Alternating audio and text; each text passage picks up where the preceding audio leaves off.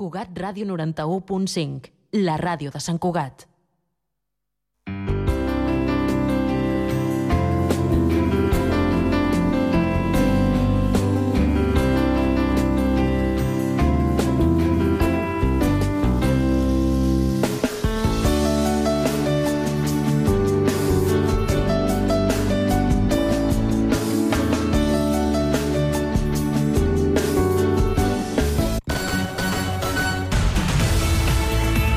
Ràdio Sant Cugat, Cugat Mèdia, notícies.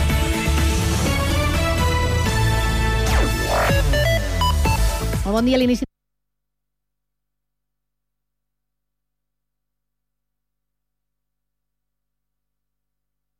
del curs escolar a Sant Cugat ha començat amb els ànims escalfats després de que l'escola La Mirada i la seva eterna provisionalitat protagonitzessin l'actualitat durant setmanes. Ara les associacions de famílies d'alumnes denuncien retallades de l'Ajuntament a l'escola pública i han plantat el consistori en l'acte d'inauguració del curs. La coordinadora d'ALFA ha anunciat que no hi assistirien en un comunicat en què alerten que l'Ajuntament ha decidit anul·lar activitats i reduir beques de material. L'Ajuntament, però, assegura que no hi haurà retallades i que cal esperar l'aprovació del pressupost.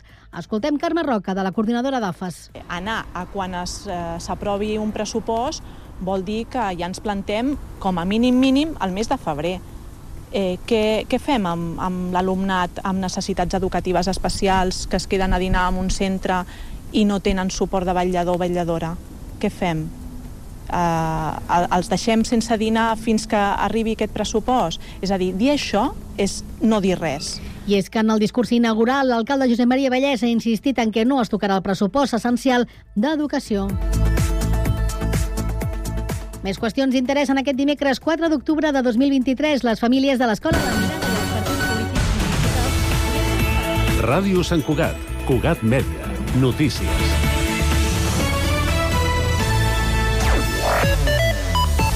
Bon dia. L'inici del curs escolar a Sant Cugat ha començat amb els ànims escalfats després de que l'escola La Mirada i la seva eterna provisionalitat protagonitzessin l'actualitat durant setmanes. Ara les associacions de famílies d'alumnes denuncien retallades de l'Ajuntament a l'escola pública i han plantat el consistori en l'acte d'inauguració del curs. La coordinadora d'ALFA ha anunciat que no hi assistirien en un comunicat en què alerten que l'Ajuntament ha decidit anul·lar activitats i reduir beques de material. L'Ajuntament, però, assegura que no hi haurà retallades i que cal esperar l'aprovació del pressupost. Escoltem Carme Roca, de la coordinadora d'AFAS. Anar a quan s'aprovi un pressupost vol dir que ja ens plantem com a mínim mínim el mes de febrer. Eh, què, què fem amb, amb l'alumnat amb necessitats educatives especials que es queden a dinar en un centre i no tenen suport de vetllador o vetlladora? Què fem? Eh, els deixem sense dinar fins que arribi aquest pressupost? És a dir, dir això és no dir res. I és que en el discurs inaugural l'alcalde Josep Maria Vallès ha insistit en què no es tocarà el pressupost essencial d'educació. Més qüestions interessen aquest dimecres 4 d'octubre de 2023. Les famílies de l'Escola La Mirada i els partits polítics municipals s'uneixen per assolir més adhesions perquè l'edifici definitiu del centre es faci quan abans millor. Seguint l'esperit de la moció aprovada recentment al ple de Sant Cugat, tots els grups polítics municipals han acompanyat l'AFA en una reunió aquest dimarts al Parlament perquè la Comissió d'Educació proposi aprovar una resolució de suport dels grups de la cambra per fer realitat d'una vegada aquesta escola. Sant Cugat ha trencat la tendència dels darrers dos mesos i registra un lleuger descens en l'atur. El municipi té 2.467 persones en situació de desocupació, fet que representa 81 persones menys que el mes anterior, però un increment respecte ara fa un any, amb un augment de 72 persones més. De fet, la tendència habitual del setembre és una reducció en la desocupació respecte a l'agost, però enguany aquest descens ha estat menor que els darrers anys. I en esports és notícia que Sant Cugat competeix amb Sant Boi per acollir el futur Estadi Nacional de Catalunya de Rugbi i el centre de tecnificació d'aquest esport, segons que informa el president de la Federació Catalana de Rugbi, Ignasi Planes, a Cugat Mèdia. Planes s'ha reunit ja amb la regidora d'Esports, Núria Escamilla, i el president del Club Rugbi Sant Cugat, Miquel Perallo, per explicar-los el projecte que també inclou aules de formació i un gimnàs. Poden ampliar aquesta informació a www.cugat.cat.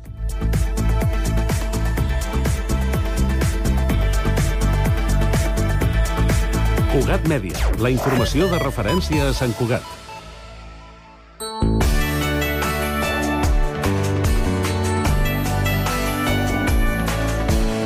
Ràdio Sant Cugat, Cugat Mèdia, 91.5 FM.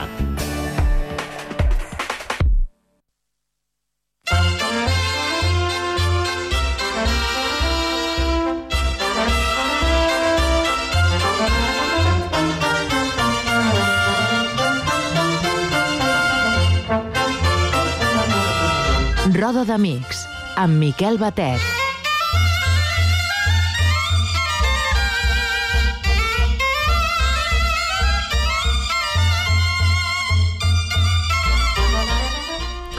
Bon dia, amigues i amics de la Sardana i de Ràdio Sant Cugat. Rebeu salutacions de qui us parla, Miquel Batet, editor del programa, i d'en Pablo Palenzuela, al control tècnic. El passat dia 2, aquest dilluns d'aquesta setmana, van començar els cursets d'ensenyament de sardanes a càrrec de l'entitat sardanista de Sant Cugat. Això tindrà lloc tots els dilluns fins a finals de, de desembre, de 7 a 8 de la tarda, al vestíbul de l'auditori. Apunteu-s'hi. És convenient que tots, tots i totes sapiguem ballar sardanes. Canviem de tema. El diari Avui va publicar un article de l'activista cultural Josep Gaspar. I, bueno, i qui era en Josep Gaspar? En Josep Gaspar va ser llicenciat en dret, protagonista destacat dels fets del Palau, va participar en la creació d'Adixa i de Cabellfort, també va intervenir en la campanya Volem bisbes catalans, en la Constitució de l'Assemblea de Catalunya, en la Fundació de Convergència Democràtica de Catalunya i també en la Fundació del diari Avui. Secretari General del segon Congrés Internacional de Llengua Catalana i membre fundador i director de la Fundació Universal de la Sardana. O sigui, tot un, tot un personatge. Va ser un gran activista i un gran catalanista. Bueno, l'escrit diu això, si plau. En tants problemes que poden reclamar la nostra atenció, sembla que no es caigui parlar de la sardana. I es cau, perquè el nacionalisme és cada vegada més una manera d'entendre el món en la diversitat, en la riquesa de la varietat, en la necessitat de mantenir-la i potenciar-la. Nosaltres tenim, per exemple, en la sardana aquell toc de personalitat que ens ajuda a configurar l'acer nacional. Però no li donem prou importància. Quan un visita països relativament moderns, s'adona del valor de tenir un folclore viu i veu com els pobles que en tenen fan el possible per mantenir-la. Nosaltres tenim la sardana, que no és una relíquia que cal fer reviure artificialment, que té connotacions de culte, de dansa nacional, que és una realitat constatable, existent, que es fa palpar i no sabem valorar-la. Tinguem les idees clares. Els signes d'identitat són fonamentals, sobretot per als pobles que tenen problemes de reconeixement nacional pendents. Per a nosaltres, encara més, perquè la sardana és una via d'entroncament dels no autòctons, ja que supera la barrera lingüística, perquè nosaltres, el Rosselló, el Vallespí i el Conflet i a la Sardana, amb la llengua en regressió, ens hem d'aferrar a signes de diferenciació encara vigents per recuperar la consciència i, en definitiva, la llengua. El nacionalisme personalitzador representa un esforç davant la massificació que ens tenalla en aquests finals del segle XX. Els grups nacionalistes han d'assumir que cal aprendre, cal ballar, cal ensenyar per perpetuar, una tradició centenària. Tot és important, tot i alhora no hi ha res que es pugui menys tenir. Un dels signes dels temps que avui és el de reguanyar aquest escalfor d'esperit dona sentit sentir-se pobles i terra. Els pobles capaços de ser així, de sentimental i de folclòrics, són els que no desapareixeran mai. No mereixem la sardana. Signat Josep Espar. Bueno, ja, ja, ja, en fi, ja, ja sentiu el que, el que fa falta, no? Hem de conservar i promocionar la sardana.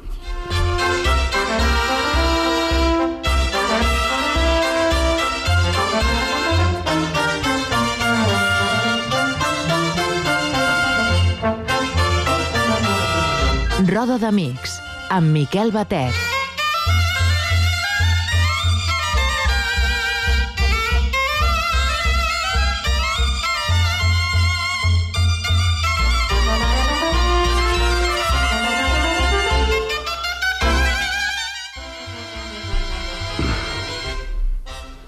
Avui escoltarem sardanes interpretades per la Copla Salvatana.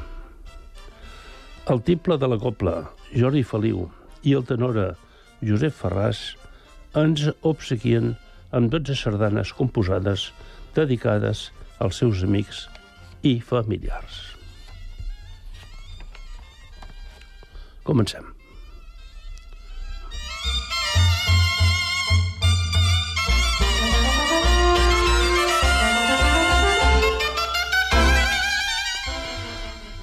La primera sardana es titula Lídia i Cristina, on en Josep Ferràs la dedica a la seva esposa Lídia i a la seva filla Cristina.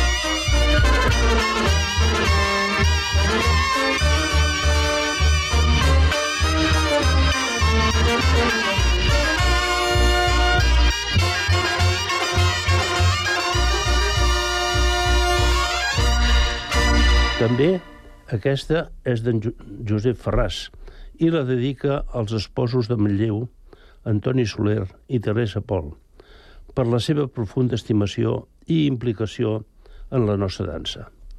El títol és Antoni i Teresa.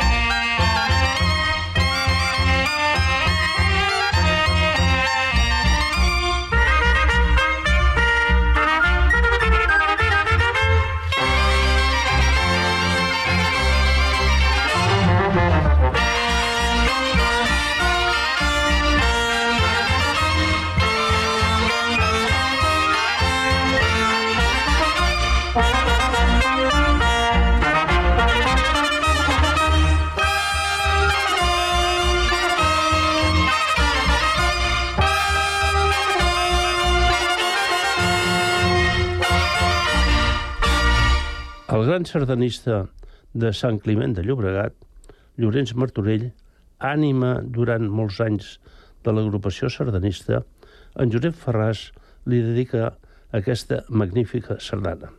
Es titula 1950 a Cal Masover.